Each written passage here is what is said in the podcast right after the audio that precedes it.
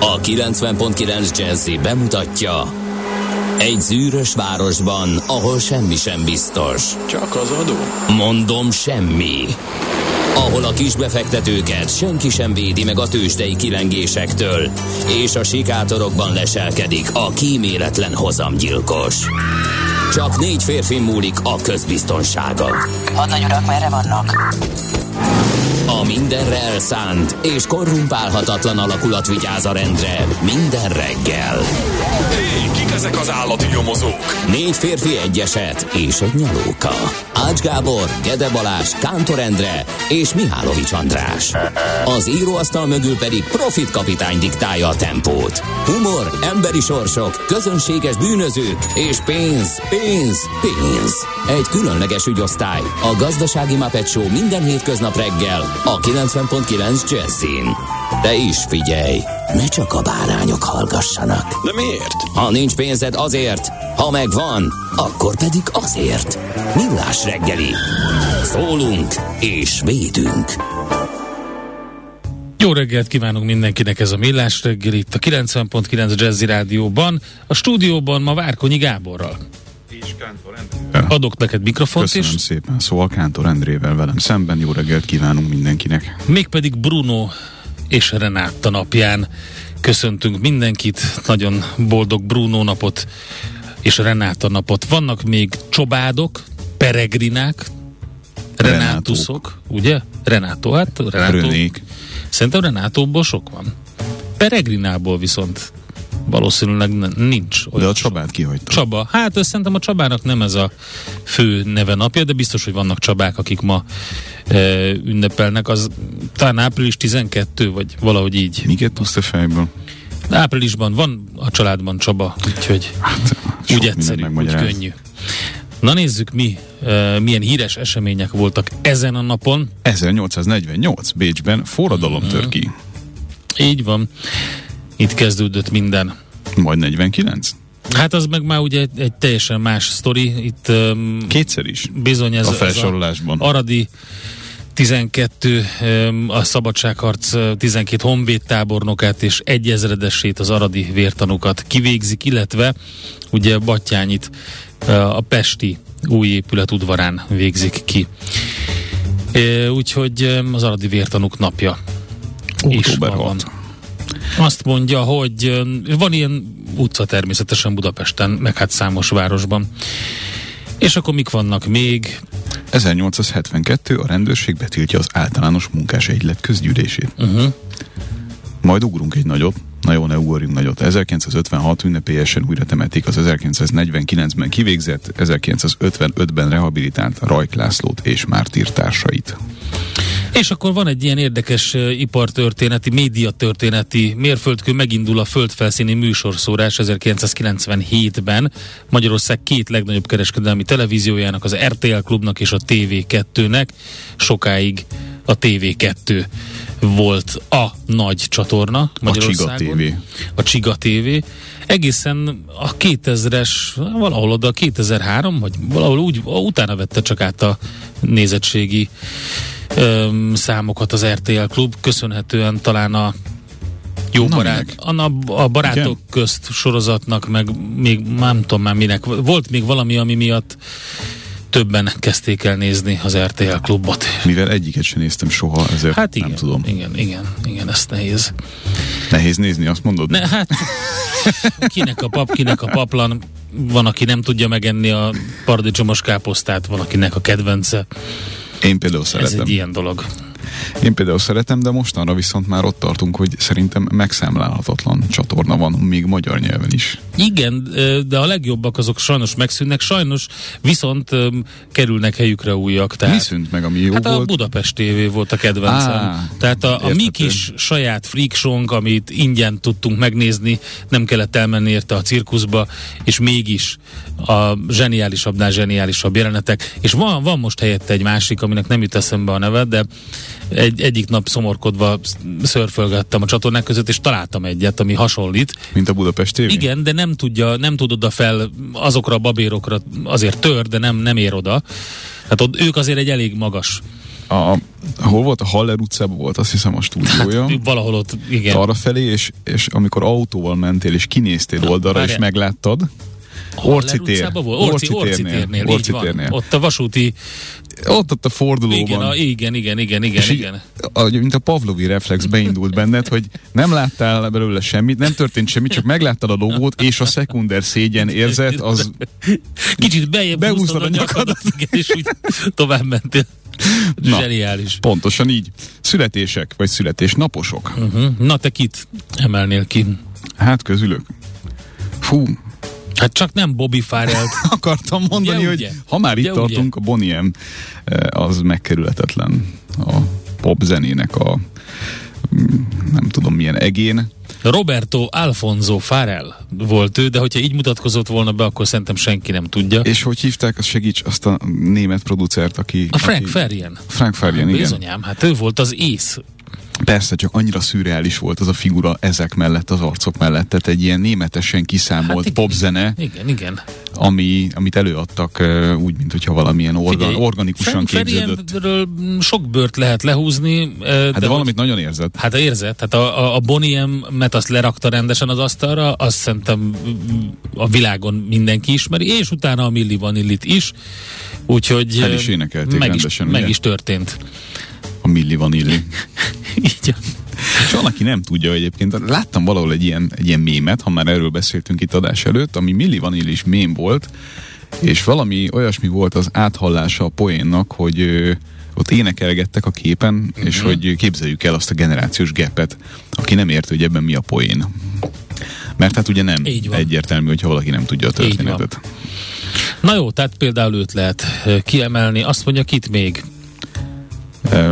Rózsa egyik Kálmán, Na, magyar színész, színésztanár, érdemes művész.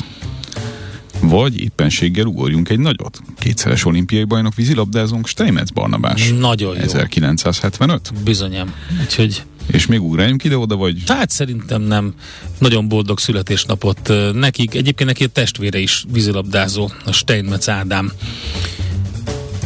Na, azt mondja, hogy mint mondtuk, október 6-a van, tehát az aradi vértanúk napja. Ezen kívül pedig a kedves hallgatókat kérjük arra, hogy segítsenek nekünk 0630 20 10 909 mindenféle információval, ami a reggelünket bearanyozza. Többek között egy szeretnénk tudni, hogy ha nekünk is van saját kis szappanoperánk, a, úgy hívják, hogy Gézu, és ő szokta megírni minden reggel, hogy mi történik vele, illetve Lőpapától is várjuk a közlekedési információkat a saját nyelvezetében öm, írja meg, az is jó. D-kartás. D-kartás természetesen, tehát visszatérő sorozatok nálunk. Hány percet mond? 27, 26. Én azt látom, hogy sűrűsödik a forgalom, lehet, hogy 30. 10, alig 10 perc volt Na. Gödről Dunakeszi. Ja, csak de, ja, oké, és utána? Utána, Utána még semmi. Utána még semmi, és ö, közben megírták, hogy Frank Farian volt a Labus mm. mögött is, ami Ja, egy a lá, ja, igen, a. Igen. kicsit későbbi. De, de, de tényleg jó kitalálta Óriási. ezeket a, az ilyen ö, hogy képzeljük el a különböző nemzetiségek különböző zenéit, németesen típusú popzenét. Zeneileg egyébként rendben volt. Tehát, de o- volt benne valami most gondolj olyan... csak, a Boniem, rögtön a Boniem, jó, a Milli Vanilli, az nem az Ne, én a stílusom, szerintem teljesen de A Boniemből legalább három, három vagy négy olyat tudsz mondani, ami mindig minden körülmények között működik. ha már mindenképpen... ha már fáradnak a házi buliba, akkor be kell rakni. Ne, jaj, ne, azért ilyen házi buliban még nem voltam, de, Dehogy azt, nem, azt el tudom képzelni, nem, ahogy hallhattam, hogy a fronton abbával kínozzák a katonákat. Mm. Ha választanom kéne, hogy Bonnie M-mel kínozzanak, vagy abbával, akkor a Na, Bonnie M-re szavaznék egyértelműen. Képzeld el, hogy valami búcsúba egyszer a szüleim elmentek, ez még úgy Régen volt. 80-as évek eleje talán, és két vásárfiát kaptunk, két ilyen bőrpénztárcát, amiben aprót lehetett, uh-huh. főleg be, hát be lehetett gyűrni a nem aprót is, de igazából arra nekünk nem volt szükség, mert soha nem láttunk nem aprót, úgyhogy csak a apró volt. Az egyikre az volt írva, hogy Boniem, a másikra meg, hogy Abba. És így kellett volna a testvéremmel dönteni. Gondolj bele. Hát Bonnie M. Ökölharc volt a vége. Azt mondja valaki, nem is valaki, hát Zsoc mondja, most nézem, hogy a No Mercy is Frank Farian. Na tessék. Na tessék. Az durva.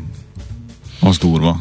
Hogyan képzelte el a latinos zenét? Hát végig Pe- ez még pedig, hiányzott. Pedig a... nem is Frank Farianről akartunk beszélni, ha, hanem Hát, de látod, sekély vizekre elvesztünk. igen. Hanem Bobby Farrerról, táncos énekesről. Na, ő egyébként 2010 óta nincs velünk. Velünk van viszont a The Magic Beans nevű zenekar, akik egy, hát egy felejthetetlennek induló, aztán később bizonyos részleteiben elfeledett éjszakáról beszélnek. Nézz is! Ne csak hallgass! millásreggeli.hu Na nézzük akkor, mit írnak a lapok. Hát sok minden van, természetesen csak egy párat tudunk kiemelni. Hát egy egészen elképesztő történet a szabadeurópa.hu oldalán. Most van egy megint egy frissítés hozzá, de a lényeg a lényeg, hogy úgy tűnik, hogy bekérték a szerdai hiányzó tanulók listáját, de ezt a tankerület cáfolja. Minden esetre a sajtóban megjelentek azok a hírek, hogy bekérték az iskoláktól a szerdán hiányzó diákok névsorát. A több lap értesülés alapján arról számolt be, hogy a tankerület így próbálhatja összegyűjteni, hogy mely diákok vettek részt a tiltakozásokban. Hát, ha így van. Ha így van, most a tankerület cáfolja ezt, minden esetre Uh, Serfőző Andrea, a belső Pesti Tankerületi Központ sajtóreferense azt mondta, hogy uh, minden köznevelési intézménye saját házirendje szerint köteles a tanulói hiányzások rögzítését és igazolását napra készen követni, és a házirend nem lehet ellentétes a mindenkor érvényes jogszabályokkal ezért a belső Pesti Tankerületi Központ nem kért a mai napon sem külön eljárásban személyadatokat tartalmazó adatszolgáltatást. A HVG korábban azt írta, hogy a tankerületi központok figyelik, hogy mely tanárok nem tanítottak szerdán, sőt arra is utasítást kaptak, hogy azokat a diákokat is listázzák, akik nem mentek iskolába aznap. Um, úgyhogy um, erről majd kiderül, hogy mi a történetnek a ha kiderül a lényege. A társaság a szabadságjogokért jogásza szerint egy tankerület gyűjthet statisztikai adatokat az iskolai hiányzásokról, és ez bekérheti um, a tankötelezettség teljesítését ellenőrző iskoláktól a szülői és az orvosi igazolásokra, meg a hiányzásokra, igazolatlan hiányzásokra vonatkozó adatokat. Úgyhogy hát majd kiderül. Aztán van még...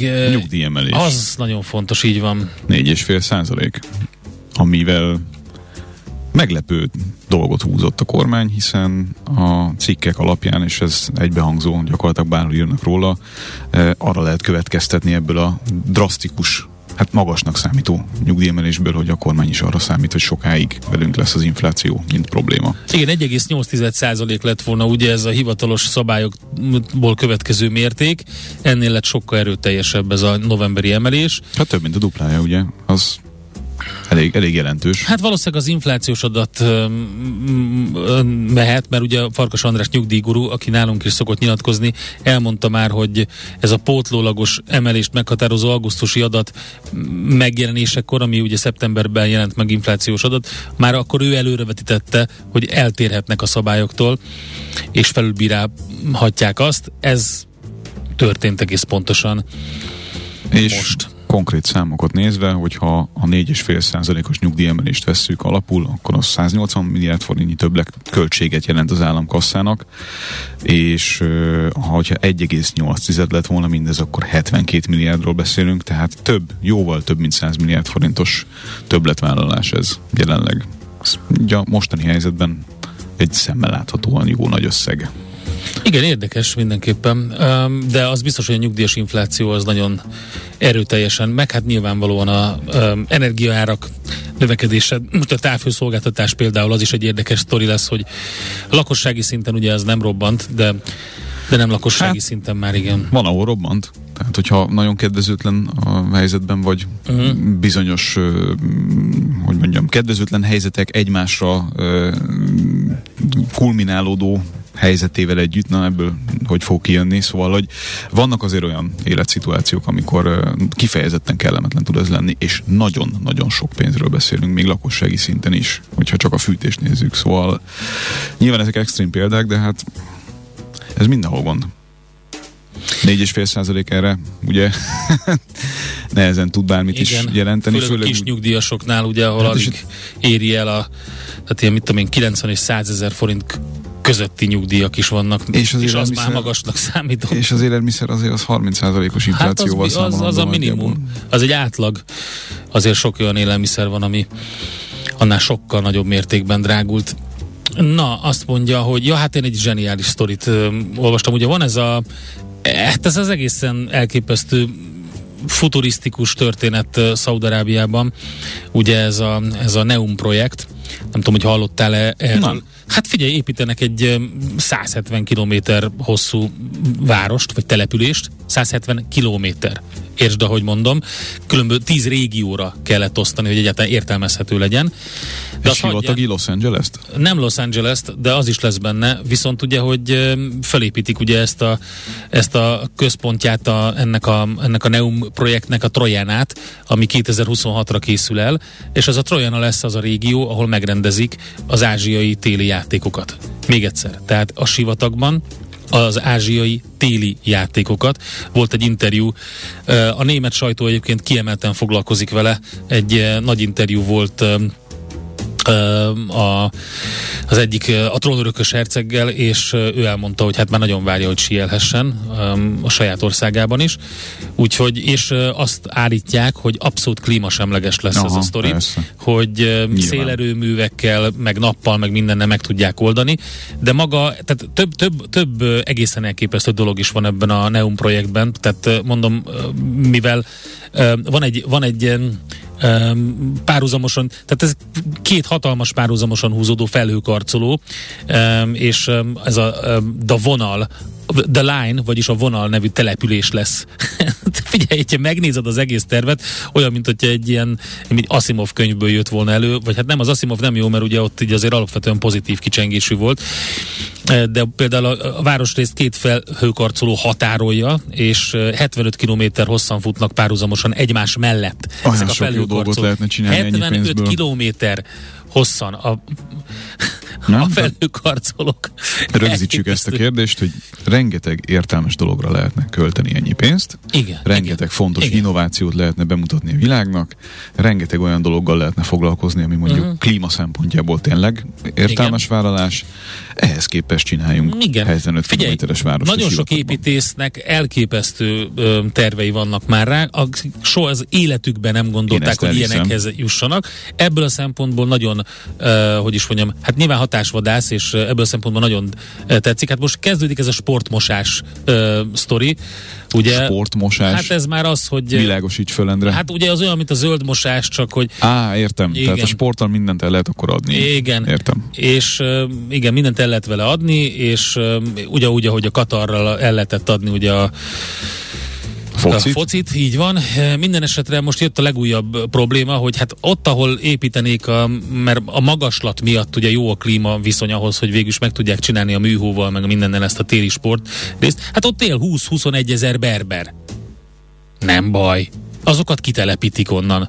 Ők ott élnek már egy jó ideje. Azt hittem megtanítják őket síelni. Nem, őket, őket, ők lesznek az új serpák, a szaudarábiai berberek, miközben ugye a német lapokban azért kapott ez akkora hangsúlyt, mert hogy miközben Szaudarábia lényegében a legnagyobb humanitárius katasztrófát okozza Jemenben, ahol, ahol tudják bombázzák, írtják, lövik a népet, ott rengetegen éheznek, és tehát iszonyat mennyiségű ember meghalt, és a németek kiderítették ugye, hogy hát valamilyen szempontból ebben német fegyverek is vannak, nem fegyverek, hanem inkább alkatrészek, de ha már alkatrészekkel gyártunk fegyvereket, akkor ugye Jó. ezt vissza kéne valamilyen módon ebből az egészből táncolni, és így került ebbe a, a, erre a Neum projektről. Rájöttek szó. a németek, hogy a fegyvereket háborúkban használják? Hát, hát ez majd beszélünk a németekről. egészen elképesztő tényleg. A következőkben. Mik vannak? Azt azért nézz utána ennek a Neum projektnek, meg a, hogy mit terveznek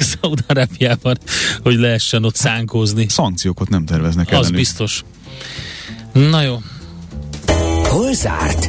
Hol nyit? Mi a sztori? Mit mutat a csárt? Piacok, árfolyamok, forgalom a világ vezető parketjein és Budapesten. Tősdei helyzetkép következik. A tőzsdei helyzetkép támogatója, a hazai innováció vezető gyógyszeripari vállalata, az alapító születésének 150. évfordulóját ünneplő Richter Gedeon nyerté. Na nézzük, mi történt. Hát Budapesten csúnya lett a vége, sajnos. A Bux Index 1,4%-os mínuszban fejezte be a napot, és azt lehet mondani, hogy bizonyos szempontból megfelelt a trendnek, már Amerikát nézzük, de egyébként pedig Egyébként pedig nem lett jó nap. A MOL kivételével 0,9%-os pluszban zárt a MOL, az OTP 2 fölött, a Magyar Telekom 2,3, a Richter 2,7%-os mínuszt hozott össze közepes kapitalizációjú papírok közül a legjobb teljesítmény a Cikpanónia volt 1,2%-kal, a legrosszabb az Opus 3,1%-kal, és hát a forgalom jó részt ugye az OTP-nél és a MOL-nál és a Richternél volt, ők azok tehát, akik estek a tegnapi napon. A forint árfolyamát gyorsan nézzük meg, hát nem tartja magát jól, az euró 421 fölött van, 421.76-on, a dollár pedig 425.12. Itt a paritáshoz is közeledett ugye az euró-dollár kereszt. Ennek ellenére annak mindennek ellenére, ugye, amit bejelentettek a gázdillel kapcsolatban, nem tudott a forint Én azt hittem, hogy az egy, az, egy, az egy jó hírnek fog számítani, és hirtelen benézünk hát, itt a húsz alá. Igazából azért nem jó hír, mert ahogy Holoda Attila el is mondta nálunk adásban, egyszerűen nem befolyásolja a lényegi dolgokat. Tehát arról szól a sztori, hogy, hogy a súlyos, hát röviden összefoglalva, a súlyos veszteség költségeket termelő MVM-nek a halasztott fizetés ebben az ügy, e, esetben egy jó lehetőség arra, hogy ne termeljen még több veszteséget. Oh, El akar, hát... Be akarták szakítani a kapcsolatot ugye elvileg a földgáz és a és a forint között, de hát ahhoz még más is kéne, a bizalomnak a helyreállításához nem elég az, hogy egy ilyen bejelentés van. Ráadásul a másik oldalon egyre erősödnek azok a hangok, ahol azt mondják most már egész konkrétan, ugye, hogy egy, hogy egy orosz ügynökként ténykedik Magyarország az EU-ban és a NATO-ban, ami borzasztóan nem jön jól az ország imidzsének és a megbízhatóságának. Úgyhogy sajnálatos módon ezt a piac Ez is egy interpretációja a kérdésnek nyilván. Minden esetre, aki időt nyer, az életet nyer, tehát ilyen szempontból ez is lehetett volna egy jó hír ebben a tekintetben, de... De, de ezzel nem időt nyertünk, hanem csak halasztott fizetést. Az, hát az, az, hogy a gáz jön az vagy idő. nem jön, hát az, hogy hát én... Tehát a, amikor ennyire, hát amikor ennyire meleg a helyzet, akkor szerintem még ez is segíthet. Azért a helyzet ilyen szempontból nem jóna, ezt, ezt lássuk be amennyi pénzbe ez nekünk kerül, az fájdalmas. Az biztos, hogy fájdalmas, de itt most nem csak a pénzről van szó, hanem arról, hogy lesz-e, illetve hogy általában véve az Európai Unió mit fog tudni tenni, hogy átálljon és függetlenítse magát. Tehát ez, nem, ez a hír alapvetően nem az energia függetlenségről vagy függetlenítésről szól, vagy a diver, diver, diversifikált portfólióról. Hát jó, csak ezt ilyen gyorsasággal ebben a pillanatban nem is lehet megoldani. Hát figyelj, nézd meg, erre, erre egy, fölhúznánk egy hosszú távú tervet, egy a, reális a hosszú távú spanyolok meg a németek most már ugye megállapodtak hát a németeket függetlenítették. A, a franciákon át fogják verni azt a vezetéket, és majd meglátjuk. Na jó, ez majd később, mert ugye ez a téma lesz nálunk, már mint a Németország témája. Beszélgetünk majd arról Feledi Botondal, hogy mi ez az uniós botrány. Németek Mindenki más megszorításba hajszoló németek most kiköltekezve próbálják magukat menteni. De Szolidaritás, meg... Endre. Mindig. Tudod, minden nagy, minden nagy válságban megmutatkozik a nagyon jól működő szolidaritás, ami mindig addig megy, ameddig másnak kell szolidaritánia. Szolidaritania. Ez, ez mindig így van. Na nézzük akkor, mi történt az amerikai piacokon. Enyhe mínuszban zártak a vezető uh, indexek, a Dow 0,1, az S&P 0,2, a Nasdaq 0,25 százalékos mínuszban.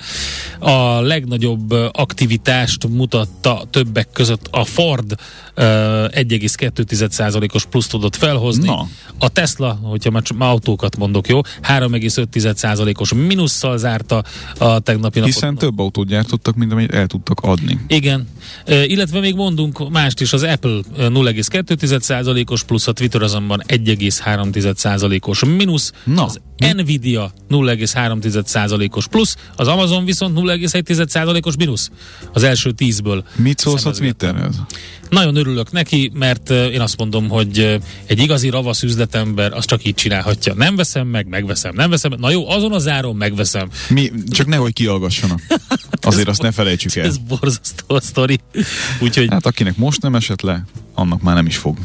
Figyelj, megmondom őszintén, hogy Elon Musk neve nekem nem a, Twitter miatt jött be az elmúlt napokban, hanem, Hanem miért? hanem a, hanem a hogyan próbáljam ezt megfogalmazni normálisan a rádióban, a, a bizarr sagbotrány miatt. Abban is megnyilatkozott Elon Musk. Hát nincs az a botrány vagy katasztrófa, amit ne használnak ki saját PR céljaira. I- igen, tudjuk. de aztán törölte a tweetet, úgyhogy... Nem marad benne az mondta, análgyöngyös hogy problémában? Tudtam, hogy valahogy kijön Hát a ki fog sztori. jönni. Valahogy kijön a sztori, tehát az a lényeg, hogy Alig vártad, na. Igen, nem vártam, megpróbáltam máshogy megfogalmazni gyöngyöket a disznók elé. A lényeg, a lényeg. Análgyöngyöket? Ne, nem szabad, ezt még nem szabad. Ilyenkor még hallgatnak minket gyerekek Hát is. ne arra, hogy erről szólt a sakbotrány. Igen, Erről beszéltünk igen, de itt a zene máshogy alatt. is lehet mondani, mert most minden kisgyerek azt fogja kérdezni, hogy apa az mi.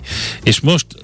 Az az, amit a sakbotrányhoz használnak. Most, most pedig híreket fogunk sugározni és zenét, amíg a szülők törik a fejüket azon, hogy ezt hogy magyarázzák el.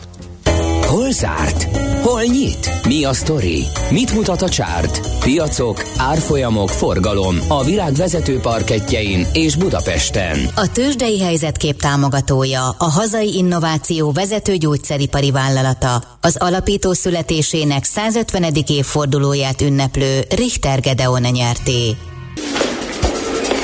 A reggeli rohanásban könnyű szemtől szembe kerülni egy túl szépnek tűnő ajánlattal. Az eredmény krétával körberajzolt tetemes összeg.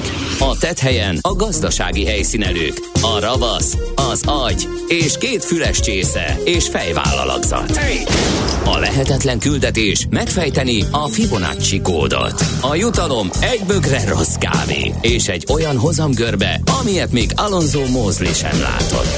Millás reggeli, a 90.9 Jazzy Rádió gazdasági mapetsója. Vigyázat! Van rá engedélyünk!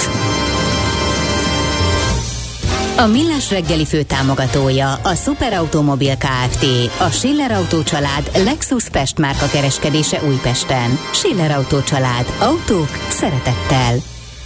Jó reggelt kívánunk mindenkinek, ez továbbra is a Millás reggeli itt a 90.9 Jazzy Rádióban. 7 óra 14 perc van a stúdióban Várkonyi Gábor. És Kántor Endre. 0630 20 10 909 ide várunk hozzászólásokat, kérdéseket, óhajokat, sóhajokat, közlekedési információkat is, illetve az infokukat millásreggeli.hu-ra és a Messenger alkalmazással pedig a Facebookon keresztül azt is látjuk. Budapest legfrissebb közlekedési hírei, itt a 90.9 jazz Küldtek é a hallgatók információkat, Gábor. D-kartás csak a szokásos Akkor? tempóját, 35 perc. 35 perc, na akkor jó Budapest, tippeltem, Zugló. hogy 30 fölött lesz. Én azt mondom, hogy Az már korán jó. reggel sűrűsödő forgalommal lehetett találkozni a déli bevezetőn szakaszon. Egyébként a 27-es főúton két autó karambolózott, a 19-es kilométernél félpályás lezárás mellett helyszínel a rendőrség, és azt lehet mondani, hogy mindenhol élénk forgalomról számolt be az Utinform, Budapesten belül pedig az Árpád úton, Újpesten, az István útnál áramszünet van, és sötétek a jelzőlámpák. Budapest, Budapest, te csodás! Hírek, információk, érdekességek, események Budapestről és környékéről. Na nézzük akkor, hogy mi történik. Hát, hát igen, csodálatos történet, leállt a személyszállítás, Szemét. a a szemét szállítás Budapesten, így van. Szívesen. Vannak olyan személyek, akiket így eh, is lehet illetni, de most nem róluk van szó. Az FKF 360 kukás autójából mindössze egy vonult ki tegnap hajnalban. De az az egy, az miért? Hát, eh, mert ők nem hallották, hogy mi történik szerintem. Ők lemaradtak. Igen, tehát egész egyszerűen Budapesten leállt a hulladékbegyűjtés. Ezt eh, mondta Kis Ambrus főpolgármester helyettes a sajtótájékoztatón délután, és többen beszámoltak róla, többek között a Népszava és a Portfólió portfólió is. Nápolyi tribute. Igen, igen, abszolút arra hajaz már a történet, de mm, sok mindenben pedig nyilván más. Uh, hulladék gazdálkodásban dolgozók delegációja azt mondta, hogy elkezdték a tárgyalásokat, a cégvezetés új ajánlatot tett nekik, bruttó 200 ezer forint egyszeri energiatámogatást fizet a munkát folytatni kívánó munkavállalóknak, az alapbér feletti pótlékok 50%-át pedig beépítik az alapkeresetbe, és arra is ígéretet tett a menedzsment, hogy azok, akik érzik, hogy nem teljesült tavaly a fővárosi önkormányzat és a szakszervezetek által kötött 15%-os bérmegállapodás, azzal együtt átnézik a bérpapírokat, és ha valami elmaradás van, akkor azt majd pótolni fogják. Um, és nettó 400-ot követelnek, ugye? Igen. Hogy számszerűsítsük a dolgot. Így van. Ez különösen ugye az események fényében, ami egy másik típusú tüntetés, uh-huh. másik típusú teljesen jogos probléma körének felvetésével zajlik, hát abszurd Lássuk Abszolút, be. az egész, ugye a Telexen volt egy érdekes videó, és ott uh, abból kiderült, hogy kedd óta nem szállítják el több helyen a lakossági hulladékot a kukásautók.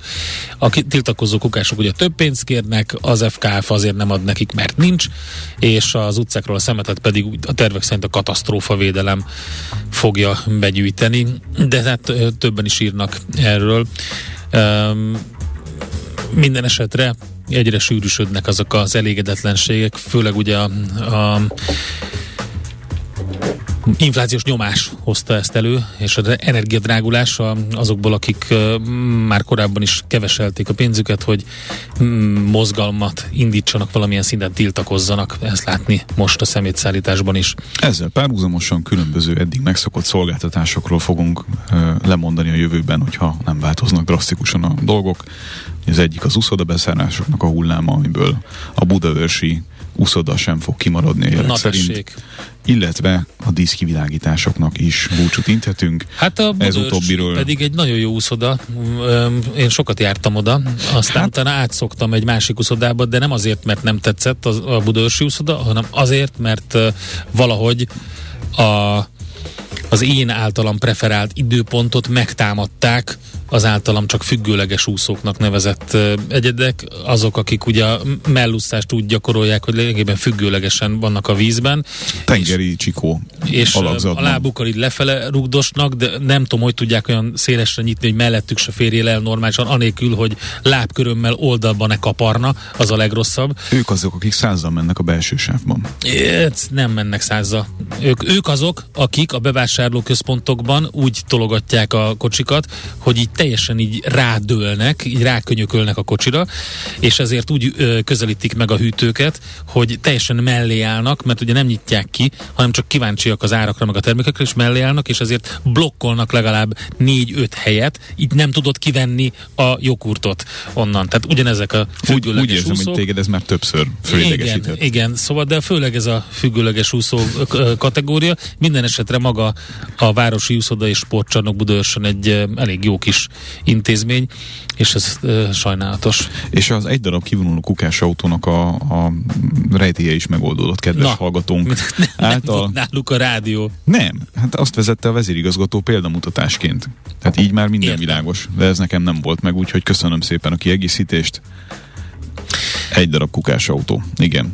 Szóval Karácsony Gergely Facebook oldalon szavaztatta meg, hogy legyenek karácsonyi diszkvilágítás. Na és lesz. Mm. Mi lett a szavazás végeredménye? Nem tudom, megmondom őszintén. Meg Na. kell nézni. Azt mondja. Itt van. Délután fél hatkor a szavazók túlnyomó többsége 1600 úgy gondolta, hogy nincs szükség a díszvilágításra most. Mindössze 61-en választották azt az opciót, hogy inkább maradjon, úgyhogy akkor valószínűleg nem lesz. De ők mindannyian részvényesei voltak valamelyik energetikai cégnek. ők voltak a vezérigazgatók. 61 darab. Úgyhogy, vagy aki nem értette a kérdést. Úgyhogy még, még ez lehet. Na hát jó. igen, erről le lehet mondani. Azért az úszoda az kellemetlenebb, mert nyilván akinek a napi vagy heti sportolásában az úszás az egy fontos helyet foglal el, az ugye most nem Az a baj, hogy a másik úszodában meg, ahova járok, ott meg tízes bérletem van, Úgyhogy most az a kérdés, hogy amíg nyitva van, addig sikerül-e leúszni, vagy el, elvész. Vagy tízszer egymás után bemész, csak igen, azért, hogy nehogy azért, hogy nehogy, igen. Úgyhogy, hát igen. Nekünk a Gellért hegy a Himalája. A Millás reggeli fővárossal és környékével foglalkozó rovata hangzott el. Következzen egy zene a Millás reggeli saját válogatásából. Mindenkinek, aki szereti. Az erős koncentrációnak sokszor az a következménye, hogy az ember könnyen elfelejti a már befejezett dolgokat. Millás reggeli. Na nézzük akkor, hogy mi történik Németországban. Úgy tűnik, hogy óriási a felháborodás sok uniós országban a né- friss német hitelfelvétel miatt. A franciák és az olaszok is keményen bírálják a lépést, mert hogy amíg mások voltak bajban, a németek rájuk kényszerítették a növekedést megfojtó megszorításokat, de most pedig felrúgták ezt a látszólag ezt a költségvetési szigort. Tehát ennek a hátterében mi áll, ezt beszéljük meg dr. Feledi Botont külpolitikai szakértővel. Szervusz, jó reggelt! Jó reggelt! Sziasztok, sziasztok, jó reggelt kívánok! A németek megint kiszámolták, ahogy szokták? Aztán um, nem az lesz a vége, mint amire gondoltak? Vagy mi történt? A németeknek az ipar és a elkövetkező tartományi választások, ami konkrétan most hétvégén Szászországban lesz, ezek a belpolitikai szempontok egy picit előrébb vannak, mint, mint bárnak. Ez nem teljesen újdonság a német kül- és politikában. Tehát van, van egyrészt egy, egy, ugye a döntés arról szól, hogy 200 milliárd eurót, ez azért elég pénz, az egész újjáépítési csomag 250, tehát majdnem annak a negyedét, egy kicsivel többet, mint annak a negyedét, hirtelen magukra költnek, úgy, hogy egyébként ezt az államháztartási törvényen kvázi a szegélyén csinálják meg, tehát egy um, deficit stoppot elkerülő külső megoldásban veszik fel ezt a 200 milliárdot a pénzpiacról. E, tehát áramszólás magában is fricska, az is fricska volt, hogy nem szóltak a partnereknek, tehát sem az Európai Bizottság, sem mások erről nem tudtak. Um, ugye nem egyedül vannak így, akik intézkednek, tehát a magyar rezsicsökkentéstől a francia költségvetést is elfogadták két héttel korábban, ahol meg 15%-os áremelkedést engednek a lakossági szinten. Ehhez nem tettek számot, ugye lehet számokat tenni, tehát fene tudja, hogy mennyit kell majd betenni az államnak ahhoz, hogy ez ennyibe kerüljen. Tehát sokféle intézkedés van, de most ez azért volt különösen szemet szúró, mert egyszerűen Berlintől, mint a legnagyobb gazdaságtól mindig várjuk, hogy vegye a leadershipet európai szinten, és próbálja meg egy európai megoldást hozni. Ebben az energiaválságban is, eh, ahogy ezt 2008-9-es válságban tette meg sokszor, olyan sokszor korábban néha ez eh, sikerült. Most ehhez képest ez egy óriási felszállt csomag, egy önsegélyezés, anélkül, hogy Európában valamit csináltak volna, és ráadásul azért lássuk be, hogy a, a harag az annak is szól, és ezért is lehetett az, hogy a francia és az olasz biztos, tehát Paolo Gentiloni és a Thierry Breton egyszerre írnak egy opedet e, Németországgal szemben. Ez azért ritka, sőt, ilyenre konkrétan nem nagyon emlékszem, hogy egy német főnökkel, ugye Ursula von der Leyen-nel a fejük fölött mégiscsak a francia és a olasz biztos, tehát második, harmadik legnagyobb gazdasága az Európai Uniónak, e, így szólal meg, miközben ráadásul nem is az ő szerepük. No mindegy, e, tehát hogy egy, a komoly ellenállások a részben az, hogy az egész északi áramlat egy-kettő, ha nem épült volna meg az elmúlt tíz évben, hanem az európai közös energiapolitikával haladtunk volna előre, és ezt a németek nem akadályozták volna, akkor most megint máshogy állnánk ebben a viharban. Kicsit tovább érne az esőkabátunk újja. Tehát itt a vihar nem kis részben a németek miatt, és ekkor egyszer csak azt mondják, hogy ja, nekik van egy saját esőkabátjuk, a többiek megkeressenek valamit a Spice-on, amit találnak maguk. Legyünk egy kicsit cinikusak, botom, nem ez történik minden egyes alkalommal, amikor um, probléma van? Tehát, hogy uh, valahogy hirtelen a nagy szolidaritásnak a szólamai egyszer csak uh, halkabra lesznek véve, és utána mindenki az egyéni megoldásait megtalálja arra, hogy a saját országának a saját érdekeit nézze, és ez történt gyakorlatilag az összes előző válságnál is. Most is nagyjából ugyanaz történik, ami mindig szokott történni. Tehát mi erre a válasz? Mm, ugye itt, ha most jó indulatban nézzük ezt a, ezt a dolgot, akkor két dolgot lehet elmondani. Az egyik az az, hogy Németország azért a, abban, hogy a korábbi 750 milliárdos csomagot, ami az Unió életében először volt egy közös adósságvállalás, ezt bevállalta. Tehát a Covid idején vállalt egy közös lépést, nem is kicsit, ami korábban elképzelhetetlen lett volna. A németek érezhetik úgy, hogy azért ők már tettek valamit. Ez a válság más. Az, hogy ez a válság mennyire más, és nekik ez mennyiben nehézkesebb ebben a koalícióban, ez meg egy külön történet. Tehát a németek olyan pozícióba kerültek most, hogy egy három felé mm, nézegető koalícióban, háromszínű, erősen háromszínű koalícióban, mire letárgyalják házon belül, hogy mi legyen, azt, azzal ők már nem hívhatják fel egyszerűen a, a Macron-t vagy, vagy valakit az Európai Unióban, hogy figyelj, erre gondoltunk, de tárgyaljunk tovább, mert ha valaki ott egy centit ezen, akkor utána nekik előről kell kezdeni a koalíciós tárgyalást. Ennek a mechanizmusát ez a koalíció még nem találta meg, hogy hogyan kell. Úgyhogy erre is várunk, nem tudom, hogy meddig, meddig érdemes. Tény, hogy a német leadership az sok helyen volt, hogy hiányzott, de azért néha láttuk, hogy Mutti Merkel odaállt, néha láttuk, hogy összejött ez a Covid csomag.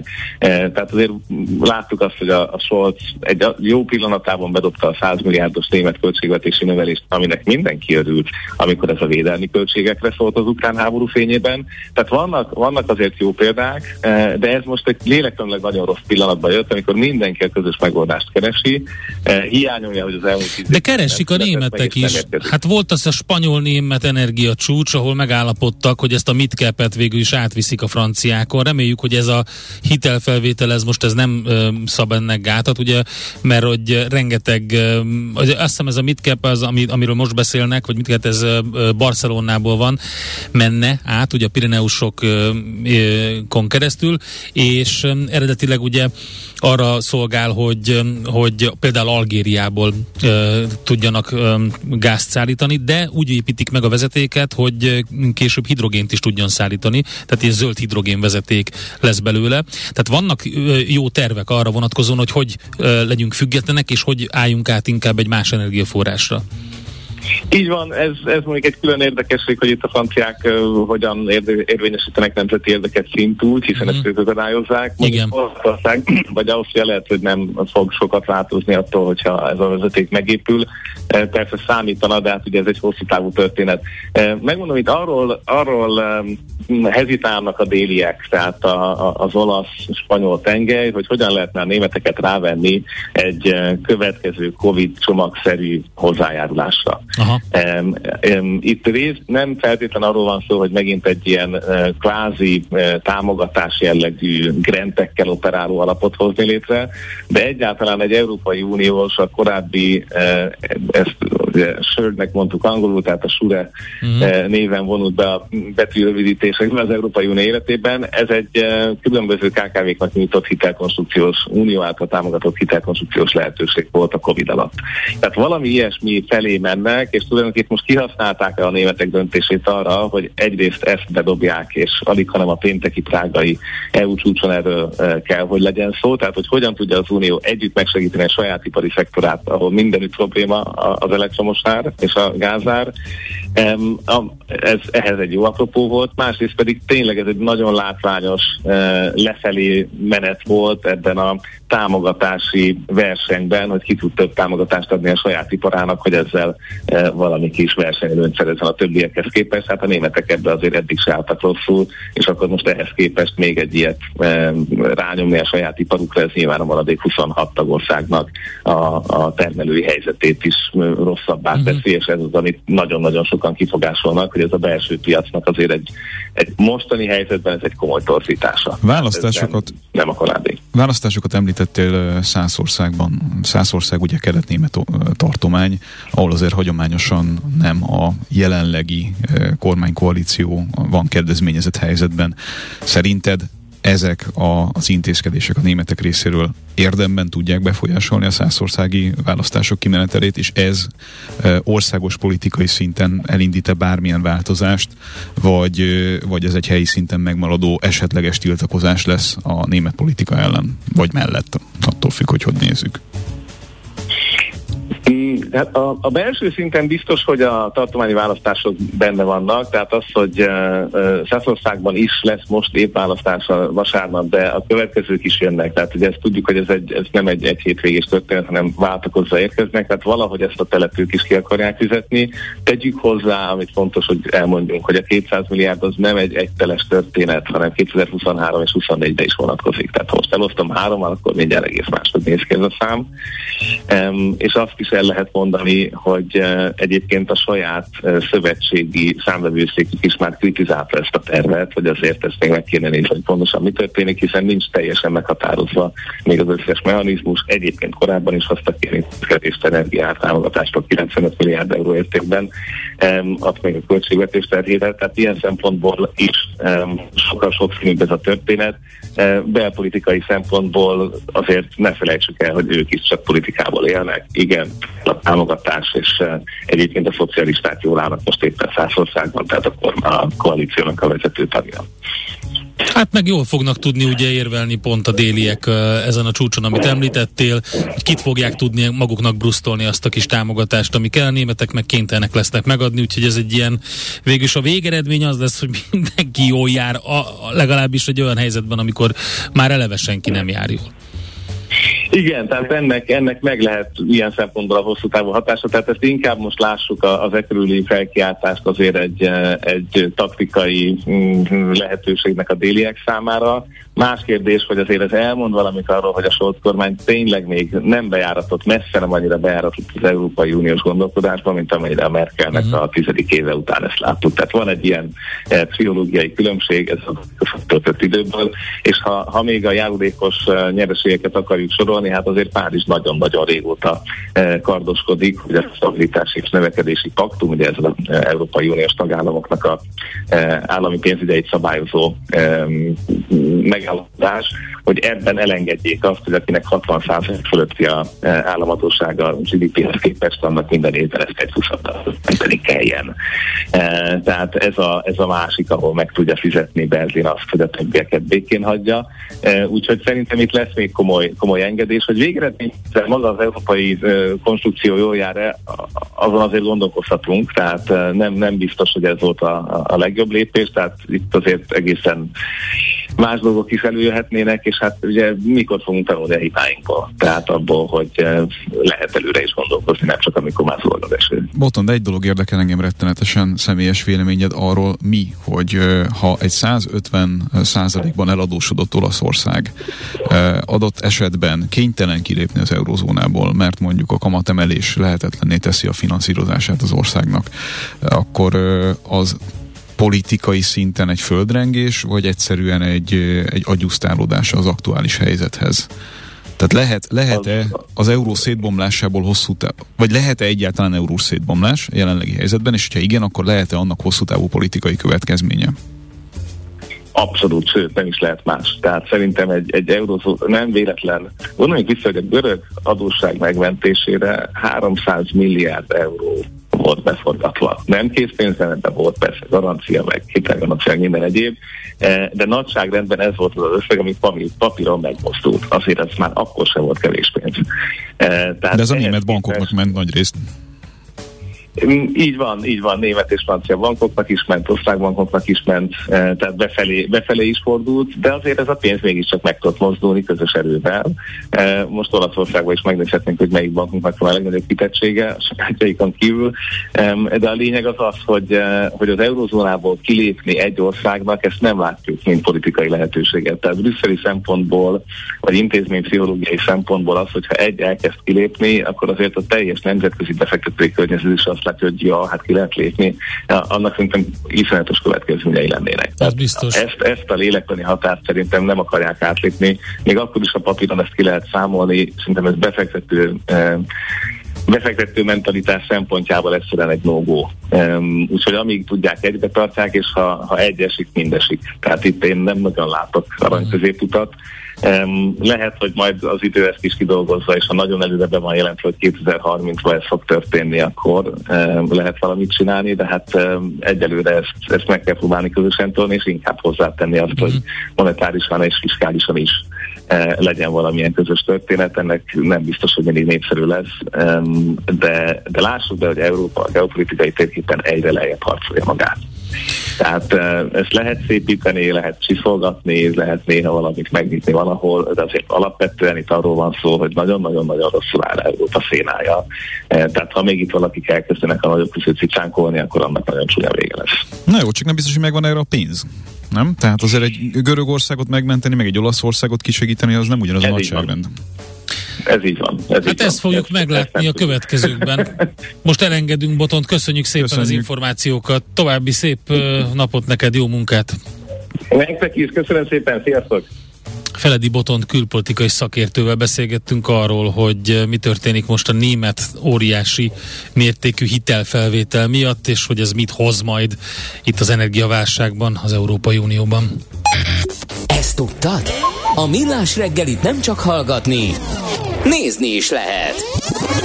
Millásreggeli.hu Benne vagyunk a tévében. Nem lehet úgy megoldani egy problémát, hogy az ember karosszékben üldögélve olvas róla az újságban. Millás reggeli. Egy bizarr helyzet az inflációs válságban, hogyan lehetnek a hitelkamatok alacsonyabbak a betéti kamatoknál? Tesszük fel a kérdést Gergely Péter hitelszakértőnek, a biztos döntés.hu alapítójának. Jó reggelt, szervusz! Jó reggelt! Jó reggelt, sziasztok! Mi történik? Hát van olyan, hogy két kisebb bank már 10%-ot kínál a betétekre, miközben 7%-on már elérhetők jelzálog hitelek. Ajaj! Oldjuk már föl Igen. ezt, mert ez, ez tényleg így elsőre is értetetlen. Ez másodszorra is egyébként az, és aztán jobban meg kell nézni a helyzetet, mert ritkán látunk egyébként ilyet.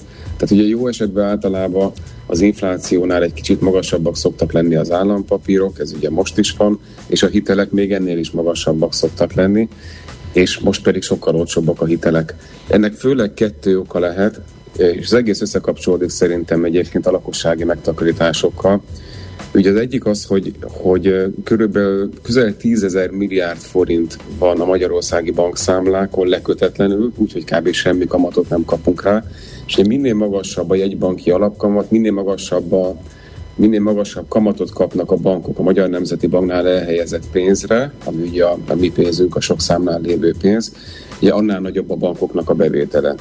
És ugye most ez nagyon jó alkalom a bankoknak ilyen szempontból, hogy passzív mi sajnos passzívak vagyunk, nagyon sok pénz a számlánál, mi nem kapunk rá kamatot, a bankok nagy mennyiségű kamatot kapnak a Magyar Nemzeti Banktól, és ezt a, ezt a pénzt, ezt a hasznot, ami innen bejön, ezt valamilyen szinten átforgatják a bankok, úgy gondolom abba, hogy nagyon olcsó hiteleket tudnak ajánlani. Tehát végül is, aki most lakáshitelt szeretne felvenni, az részben annak köszönheti, hogy olcsóbb a lakáshitele, mert sokan nem foglalkoznak azzal, hogy a pénzüket lekössék vagy állampapírban fialtassák.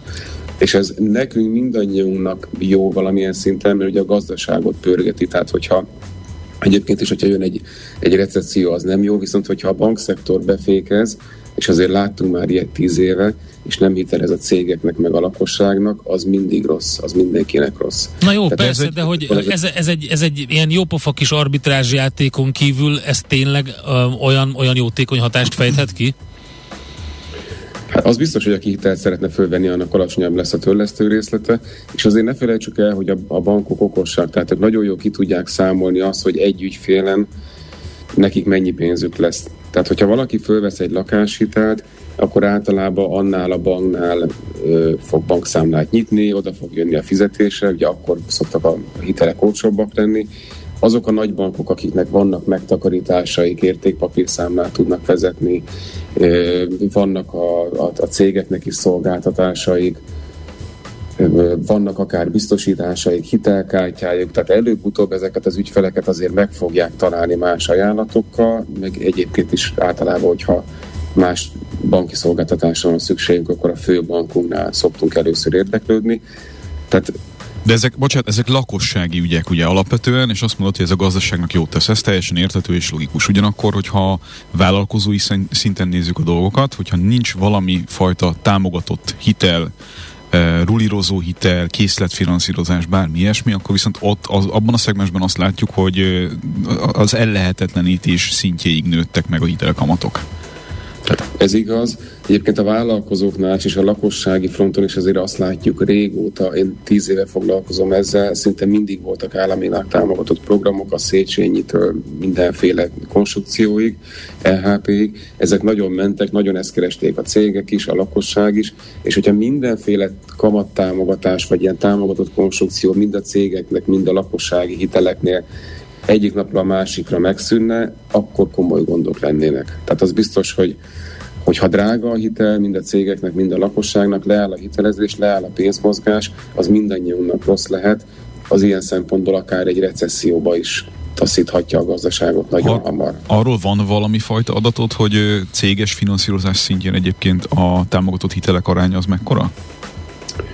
Nem, az fejből nem tudom azt a számot, az nagyon nagy szokott lenni egyébként. És a céges hiteleknél az is még egy kicsit más, hogy ott ha céges hiteleket megnézi mondjuk valaki, egy ügyvezető, ott általában a bankok honlapján listárakat szokott találni, és ott nagyon egyediek a kamatok attól függően, tehát szinte egy egyedi alkuban alakulnak ki mindig a kamatok attól függően, hogy mekkora a cég, mennyi pénzre van szüksége, hány, kapcsolat, hány kapcsolata van a bankhoz, mekkora pénzeket mozgatott, tehát az ott mindig egyedi, de én azt gondolom, hogy a támogatás nélkül itt komoly gondok lennének. De közben eléggé egyedinek tűnnek a különböző feltételek, a, a nagyon kedvező kamatoknál a, a lakossági szinten is. Tehát azért az igénylőknél, hogyha meglátod, megnézed, akkor ugye ezért a kiemelkedő kamatért cserébe elég érdekes feltételeket kell teljesíteni, nem? Ez, ez ketté válik. Egy nagyon kedvező lakáshitel megjelent az egyik nagy banknál, náluk már 8% vagy 7% mhm. alatt is föl lehet venni lakáshitelt.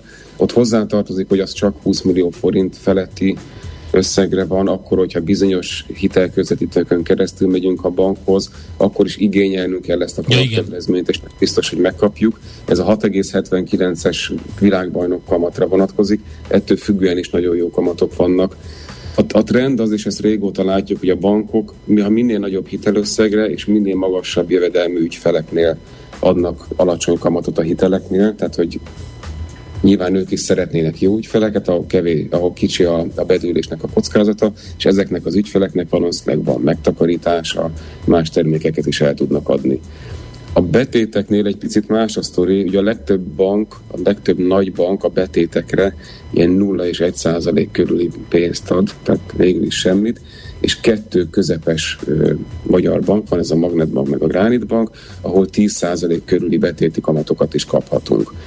Ez nem azért van, mert nekik feltétlen annyira kell a pénz, és, és bajban lennének ezek a bankok, szó sincs ilyenről, ott is ugyanúgy biztonságban van a pénzünk, hanem az ilyen kisebb, közepes bankoknál régóta ez egy ügyfélszerzési taktika, hogy jó kamatokat adnak, ezen azért ők még mindig keresnek, tehát ne kezdjük el őket nagyon sajnálni, de nagyon sokkal jobb kamatokat adnak, mint a többi bank, és van az ügyfél, ügyfeleknek egy része, hogy ezeket régebben kamatvadászoknak hívták, talán most is annak hívjuk, akik figyelik ezt, hogy hol vannak jó kamatok, és hajlandóak akár egy másik bankhoz is átmenni, vagy ott is bankszámlát nyitni, hogy 3-6-12 hónapra lekössék a pénzüket 8-10 százalékos kamattal. Ezek jellemzően öm, nem látra szólók, ugye, hanem, hanem lekötött ilyen. De tényleg ilyen rövid távú is van? Tehát három hónap, hat hónap, és arra is vannak kiemelkedő konstrukciók?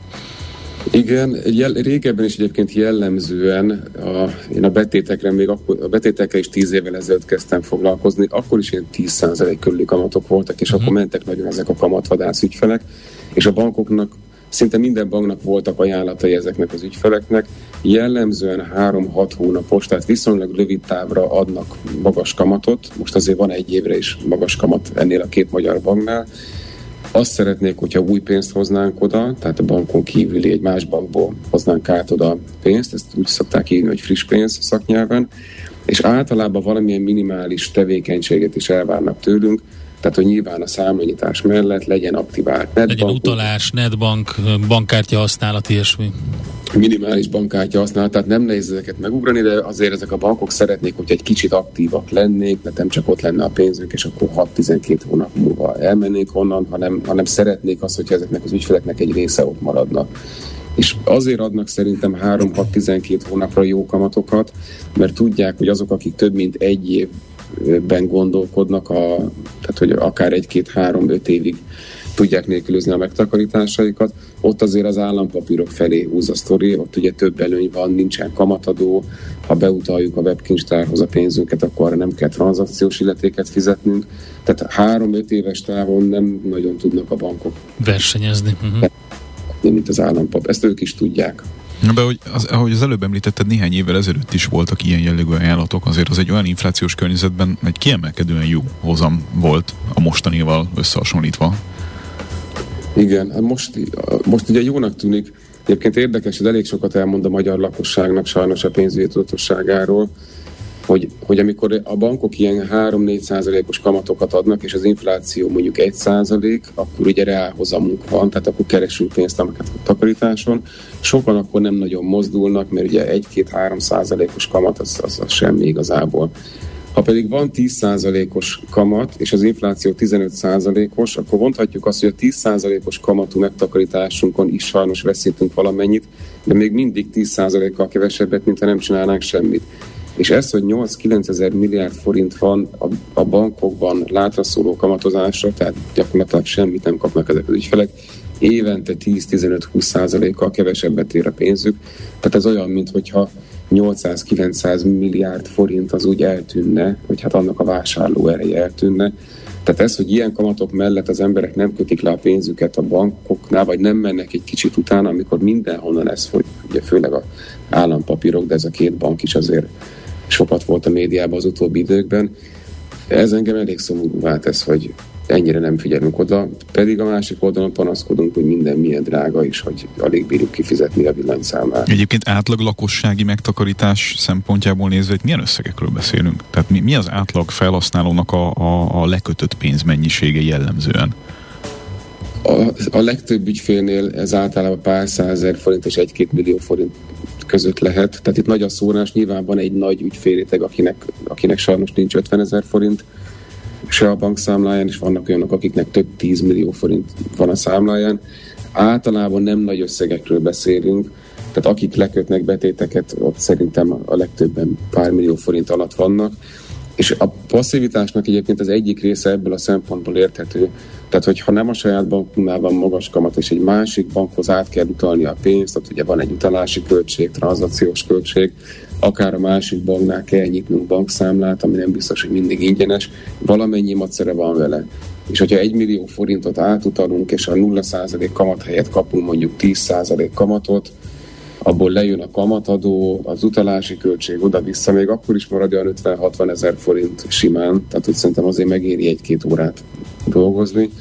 De hogyha valakinek a számlája mondjuk 300 ezer forint van, ott, ott, ott pár ezer forint lesz igazából az, amit ebből kaphat. Tehát lehet, hogy az nem fogja motiválni, viszont szerintem fontos az, hogy ha erről leszokunk, ha, ha passzívak leszünk, mint ahogy az elmúlt évtizedben voltunk a banki betéteknél, akkor biztos, hogy bukunk ezen. Tehát szerintem most minden 10-20 ezer forint az jól jön mindenkinek. Oké, okay, köszönjük szépen köszönjük. az információkat, további jó munkát nektek, szép napot! Köszönöm, sziasztok! Szia!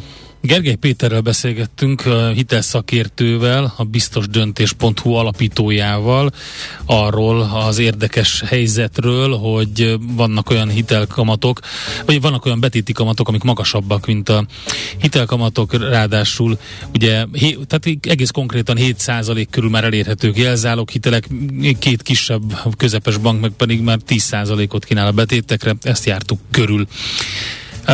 Most jön Czoller Andi, legfrissebb hírekkel, információkkal, aztán pedig itt uh, várjuk a stúdióba a Masterplus tenyerté elnökét Tibor Dávidot, arról fogunk beszélgetni, hogy elindult a Masterplus részvények jegyzése, nagyságrendileg olyan 8-10 milliárd forintos nyilvános lakossági és intézményi forrásbevonást tervez új részvények kibocsátásával. A Masterplus ugye a növekedési tervek finanszírozásához, ezt körbejárjuk, megnézzük, hogy mire számítanak, milyen környezetre, mire szeretnék ezt a pénzt szánni, úgyhogy ez a következő témánk. Majd arról is fogunk beszélgetni, hogy több az autó, mint valaha. Ami szintén nagyon érdekes, ahhoz képest, hogy az elmúlt időszakban belassultak ugye a szállítások, az autóhoz jutás már van, amikor tényleg ez a trabantos sztori, hogy szeretnék egyet, de csak drap van, Két vagy év két év múlva. Úgyhogy, de, úgyhogy majd ide várjuk a stúdióba Várkonyi Gábor autószakért. Be, vele fogunk beszélgetni ebben a témában. Be, bejövök mindjárt. Jó, rendben. Hé, hey, te mit nézel? Nem tudtad? A Millás reggelit nem csak hallgatni, nézni is lehet. Millásreggeli.hu Nézzünk, mint a moziban!